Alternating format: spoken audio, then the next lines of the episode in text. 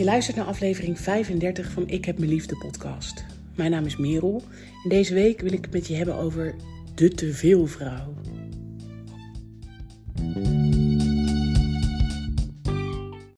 Een paar weken geleden was mijn vriendinnetje Merlin hier aan het eten, s'avonds. en we zaten lekker in de tuin en we waren aan het kletsen. En op een gegeven moment hadden we het ergens over. Ik vertelde volgens mij over mijn boek en over de podcast. en toen zei ze van ja, je had vroeger had je al ehm, helemaal geen moeite om, uh, om het podium te pakken. En toen keek ik haar aan, volgens mij met hele grote ogen. En toen gingen we daar een beetje over verder praten. Dat ik echt zei van nou, eh, zo voelde het voor mij helemaal niet. En toen zei ze, ach jawel man. Als jij de kamer binnenkwam of als jij op de studentenvereniging, uh, zeg maar, de bar binnenliep dan leek jij net uh, van, van, die, uh, die skileraar in die Heineken-reclame. Die heel hard roept biertje. En dat iedereen dan wist dat je er was. En uh, ik moest er toen een beetje om gniffelen. En nou, oké. Dat zet me aan het denken. Dus ik heb de afgelopen weken heb ik daar een beetje op doorlopen pruttelen. En toen realiseerde ik me op een gegeven moment dat toen ik net begon als een soort consultant bij een internetbureau. Als online communicatiespecialist moet ik zeggen. Consultant klinkt zo uh, klinisch. Toen werd ik gedetacheerd bij de Raad voor de Rechtspraak. Had ik een hele mooie opdracht. En ik had toen best wel een strenge selectieprocedure. En moest met heel veel mensen praten en kennis maken. En nou, Raad voor de Rechtspraak is natuurlijk best een officieel overheidsorgaan. Dus daar, loopt, uh, nou, daar lopen serieus mensen rond die serieus werk doen. En ik ben, of ik kan ook heel serieus zijn, maar ik ben ook overal mezelf. Dus ik ben los en toegankelijk. En natuurlijk weet ik wel hoe ik me enigszins moet gedragen tijdens een uh, kennismakingsgesprek of tijdens een sollicitatiegesprek. Maar ik ga daar niet heel anders zitten doen dan dat ik ben. Dus uh, ik, heb daar, ik was aangenomen. En ik heb daar best een hele lange tijd gezeten.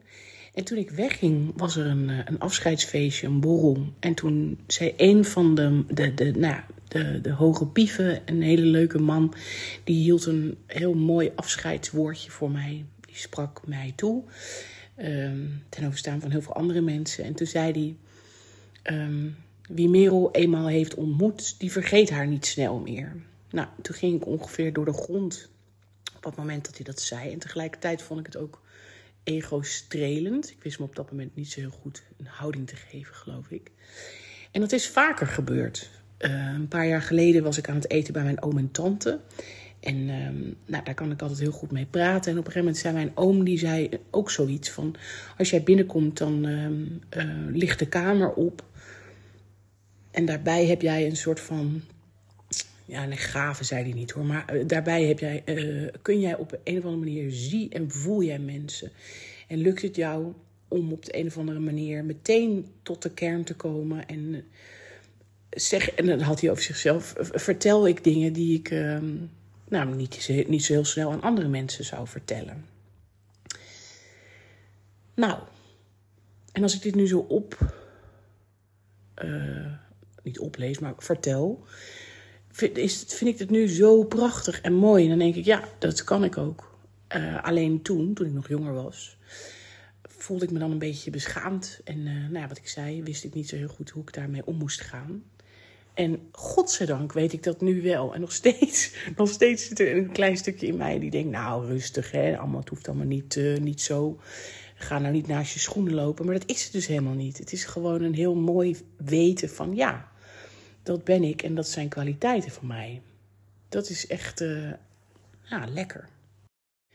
Maar dat lekkere gevoel, dat is er dus heel lang niet geweest. Weet je wat ik net zei? Uh, veel van dat soort opmerkingen die zijn natuurlijk best wel ego-strelend. Um, maar ik voelde me er vooral heel lang heel ongemakkelijk door en bij. En wist ik geen raad met dat soort aandacht. Want ik geloofde helemaal niet in mezelf. Ik was heel onzeker. En ik had nou, diep van binnen uh, had ik een overtuiging aangenomen dat ik er niet toe doe. Dat ik er niet toe doe. Dat wat ik, waar ik voor sta er niet toe doe. Ik wist eigenlijk niet eens waar ik voor stond. Maar ook wat ik vond, wat ik, wat ik zei of wat ik dacht. Of ik, uh, nou, ik was heel bang ook voor afwijzing. Gewoon echt een hele onzekere meisje, onzekere vrouw. En wat er dan wel ook uh, uh, gebeurde, is naarmate ik ouder werd, had ik best wel ook een, een, um, een drang om het te uiten. Ik, ben ook, op, ik heb op de kunstacademie gezeten, ik wilde graag grafisch vormgever worden. Ik had toen al de drang om dingen te maken. Um, en ik twijfelde trouwens tussen de kunstacademie en de PABO. Want ik zou het ook heel leuk hebben gevonden om met kinderen te werken en om hen dingen te leren. Om nou, ze, ze, ze te helpen om, om de wereld in te gaan. Dus er, er zat al iets in mij, of heeft er altijd in gezeten, om nou, mensen te helpen, om, om er te zijn voor anderen, om iets over te brengen en tegelijkertijd ook om, om dingen te maken, om creatief te zijn. Um, en ook gewoon om te praten, om, om, uh, om nou in de wereld te zijn, om, om aandacht te krijgen. Maar dat werd best wel oversneeuwd door die overtuiging dat ik er niet toe deed en dat ik uh, me maar een beetje rustig en gedijs moest houden. En waar dat vandaan kwam is uh, niet allemaal, maar wel voor een heel groot deel denk ik ook wel uh, te danken aan de manier waarop ik ben opgevoed. Ik kom uit een gezin van vier: papa, mama, een jonger broertje en uh, ikzelf.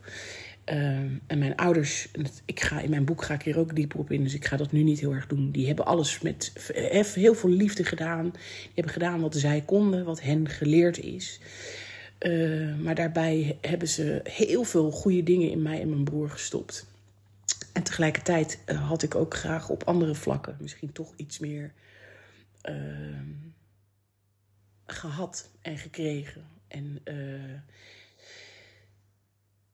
een van de dingen die ik wat meer had willen krijgen is uh, het gevoel dat ik, er, dat ik oké ben. Dat ik altijd oké ben. Wat ik ook doe, wat ik ook zeg. Maar dat ik wat meer zelfvertrouwen had gekregen. Dat ze me wat meer hadden gezien en dat ze me wat beter hadden geleerd om nou ja, uh, van mezelf te houden. En mijn vader die heeft met, uh, uh, ook weer met alle beste bedoelingen mij ook, uh, en ook mijn broer trouwens, heel streng opgevoed.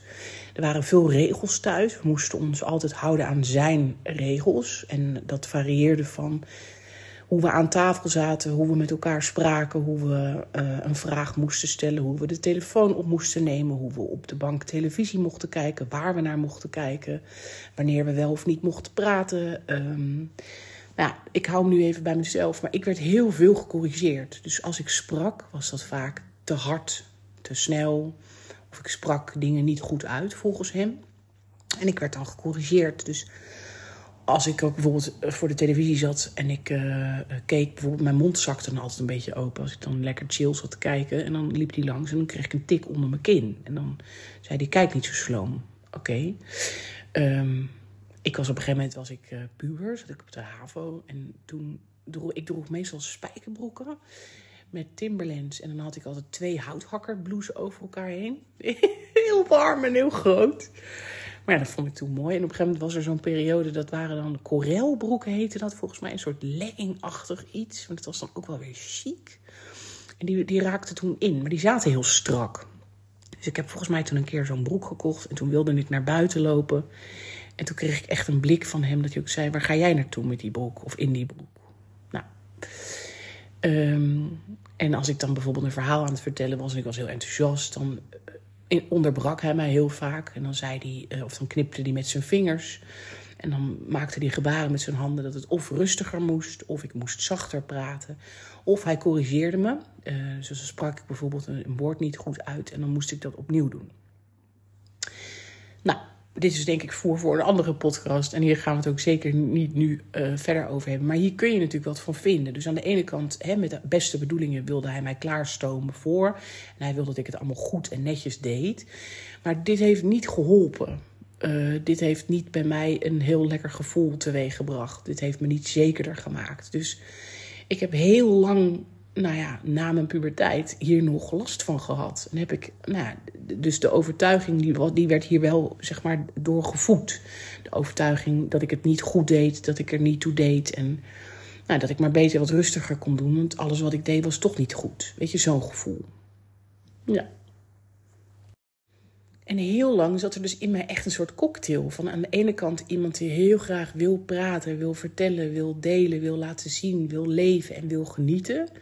En aan de andere kant iemand die dat klein wilde houden. Van doe nou maar rustig, zeg nou maar niks, uh, hou je mond nou maar, uh, val niet te veel op of uh, nou, afstraffend. Het is wel mooi. Ik zie nu ook gelijk weer een afbeelding van mijn papegaai Corrie op mijn schouder. Um, maar dat was een cocktail. Van aan de ene kant dus heel graag dat willen en tegelijkertijd ook niet durven. En uh, het mooie is dus dat die interne strijd het, tussen gezien willen worden en niet in mezelf geloven, uh, die strijd is gestreden. Ik mag gezien worden en ik wil ook gezien worden. En ik vind het ook oké als ik niet gezien wil worden. En ik geloof in mezelf. Ik heb wat te vertellen ik doe er toe. Net als jij trouwens. En dat is zo anders dan dat het was. Um, en ik, ik weet nu ook van mezelf dat ja, ik voel heel veel. Ik voel heel veel mooie dingen en ik kan ook heel veel verdriet voelen. En ik kan ook heel veel boosheid voelen en allerlei andere dingen. En al die, al dat vele, zeg maar overal waar je het woordje te voor kan zetten, dat zit in mij en dat is oké. En nou uh, kom ik zeg maar naar waar ik naartoe wilde. Is een tijdje geleden heb ik dit ook al in een podcast uh, verteld. Dat ik me uh, af en toe te veel kan voelen. En dat, dat, soms heb ik het nog steeds hoor. Dat, ik denk, nou, nu heb ik wel genoeg gezegd. Of nu is het wel even welletjes. Nu, nu mag het ook wel weer wat rustiger. En dat is dan op bepaalde momenten dat ik me wat onzekerder voel. Of dat ik wat vermoeider ben. En dan is het toch Corrie die de overhand neemt. En die weer ook een beetje leunt op die uh, oude overtuiging. Dat het allemaal wel Hè, dat, ik, dat ik er niet toe doe en dat het wat rustiger mag. En dan hoor ik toch ook weer de stem van mijn vader. Van nou, hè. Maar zij, zij wint niet meer. Dus zij uh, is nooit heel lang aan het woord. Uh, en die verschuiving vind ik zo fijn en prachtig. Um, en wat, wat er dus toen gebeurde, dat in een eerdere podcast had ik het hier al over. En kreeg ik van Wendy uh, een, een, een Insta-din. Dus dat is een vriendinnetje op Instagram. Die stuurde me zo'n prachtige tekst van een uh, vrouw. En dat heet ook De Te Veel Vrouw. En ik wil deze podcast daar eigenlijk mee afsluiten. Omdat ik het zo mooi vind wat er staat. En um, voordat ik hem aan je voorlees, vind ik het wel tof dat er staan dingen in. Um, en waarin ze zichzelf vergelijkt met een heks.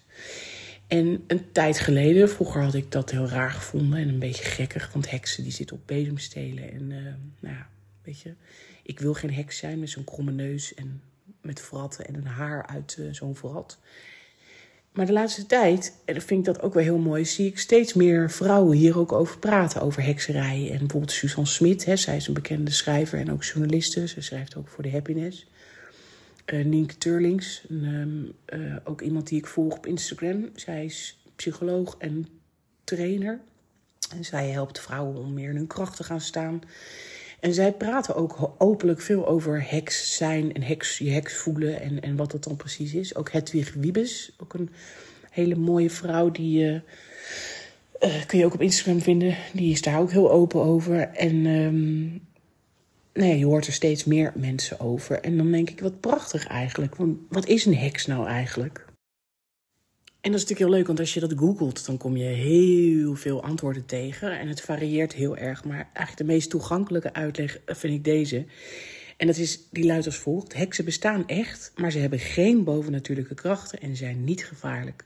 Een echte heks doet niemand kwaad, leeft volgens de regels van de natuur en zorgt goed voor mens en dier. Nou, en dan kan je dat natuurlijk helemaal aanvullen nog met andere dingen. Als wel heel erg in contact staan met je intuïtie. En misschien wel bovennatuurlijke krachten hebben. Misschien heb je wat vaker visioenen. Misschien voel je je heel erg aangetrokken tot de maan. Hou je van edelstenen. Heb ik dus heel erg. Um, uh, maar je staat dicht bij jezelf. En uh, misschien heb je helende krachten voor jezelf en ook naar andere mensen toe. Misschien krijg je wat vaker de opmerkingen dat mensen het prettig vinden om in jouw energie te zijn weet ik veel. Er zijn zoveel uitleggen. Maar ik denk dan bij heel veel van dat soort, uh, uh, hoe zeg je dat? Wat ik net zei, uitlegjes. Van nou, ik zeg niet dat ik er één ben, maar ik zeg ook niet dat ik er niet één ben. Als je me nog kan volgen. Dus super interessant, vind ik. Ehm, en dat, dit vertel ik je nu, deze context geef ik je nu, omdat dus in die tekst, daar wordt gerefereerd aan heksen. En daar waar ik dan vroeger een deurtje dicht had gegooid van ja, koek, koek, ik eh, zit dus niet op een bezemstil, wat ik net al zei, denk ik nu, oh, wat mooi eigenlijk. Interessant. En dat wilde ik je vertellen. Ik ga die tekst voorlezen. Deze tekst, zeg maar de, de originele tekst, is van Evian Whitney. En de vrouw die deze heeft geschreven, of die zeg maar daar een vrije vertaling van heeft gemaakt, of haar interpretatie van heeft gegeven, dat is uh, Dion. Ik ga haar website ook in de side note zetten, zodat je het dan eventueel kan terugkijken als je dat wil, of terug kan zoeken. Het stuk gaat zo. De teveelvrouw. Herken je haar in jezelf? Daar is ze. De teveelvrouw. De vrouw die te veel liefde geeft, te diep voelt, te vaak vraagt, te veel verlangt. Ze neemt te veel ruimte in beslag met haar gelach, haar rondingen, haar eerlijkheid, haar seksualiteit. Haar aanwezigheid is zo groot als een boom, zo immens als een berg. Haar energie bezet elke hoek van de kamer. Allesomvattend, te veel ruimte neemt ze in. Ze veroorzaakt irritatie met haar continue behoefte aan willen, te veel willen. Ze verlangt veel, ze wil alles, te veel geluk, te veel alleentijd, te veel plezier. Ze zal door donkere, woeste rivieren en helle vuren gaan om het te krijgen. Ze riskeert alles om de verlangens van haar hart en lichaam te vervullen. Dit maakt haar gevaarlijk. Zij is gevaarlijk. Daar gaat ze, de teveelvrouw. Ze zet mensen te veel aan het denken, laat ze te veel voelen, te veel zwijmelen. Zij, met haar pure woorden en een zelfverzekerdheid die je ziet aan de manier waarop ze zichzelf draagt. Zij, met die diepe lach vanuit haar buik, met haar onverzadigbare eetlust. En, dan moet ik lachen. En haar neiging tot vurige passie. Alle ogen zijn op haar gericht, denkend dat ze gek is. Oh, die teveelvrouw. Te luid, te levendig, te emotioneel, te eerlijk, te slim, te intens, te mooi, te moeilijk, te gevoelig, te wild, te intimiderend, te succesvol, te dik, te sterk, te politiek, te vrolijk, te behoeftig, te veel. Ze zou eigenlijk een beetje moeten indammen, een paar stappen terug moeten doen, aanpassen. Iemand zou haar terug moeten zetten op een meer respectabele plaats. Iemand zou haar moeten vertellen wat haar plek is. Dus hier ben ik, de teveelvrouw, met mijn te tedere hart en mijn te veel emoties. Een hedonist, feminist, plezierzoeker, liefdebrenger. Ik wil veel gerechtigheid, oprechtheid, ruimtelijkheid, gemak, intimiteit, respect, gezien worden, begrepen worden, je onverdeelde aandacht en dat je je aan je belofte houdt. Ik ben egoïstisch genoemd omdat ik van mezelf hou zoals ik ben. Ik ben een heks genoemd omdat ik weet hoe ik mezelf moet helen. En toch, ik sta op. Toch wil ik, voel ik, vraag ik, riskeer ik en neem ik ruimte in beslag. Ik moet. Wij, de teveelvrouwen, worden al eeuwenlang met uitroeiing bedreigd. Men is zo bang voor deze vrouw, doodsbang voor haar grote aanwezigheid, voor de manier waarop ze leeft en de waarheid van haar gevoelens respecteert. We hebben geprobeerd de teveelvrouwen te verstikken, in onze zusters, in onze vrouwen, in onze dochters. En zelfs nu, zelfs vandaag nog, schaamt de teveelvrouw zich voor haar grootheid, voor haar gebrek aan kalmte, voor haar gepassioneerde karakter. En toch, ze gedijt. In mijn eigen wereld en voor mijn eigen ogen ben ik getuige van de opkomst en omarming van de teveelvrouw.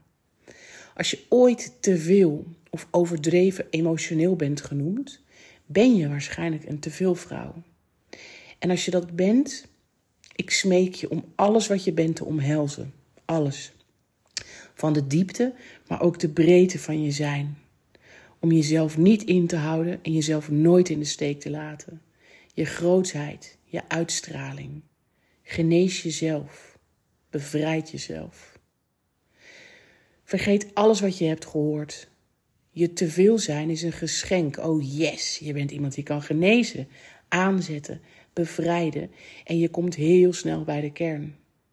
Wees niet bang voor dit geschenk en laat niemand je er afstand van doen. Je teveelheid is magisch als een medicijn. Het kan de wereld veranderen. Dus alsjeblieft, te veel vrouw, verwonder, genees, vraag, zoek, verlang, beweeg, voel, zeg, zoen, vrij. Wees jezelf, maak golven, spuw je vlammen uit, geef ons koude rillingen. Sta alsjeblieft op, we hebben je nodig.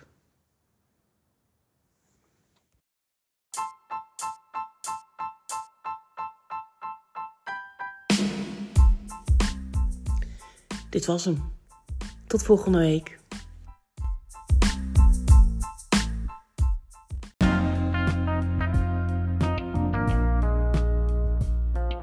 En heb je nou genoten van deze podcast? Like hem dan in je favoriete podcast-app. Zo help je mij om de podcast beter vindbaar te maken en kunnen er steeds meer mensen luisteren. Dankjewel.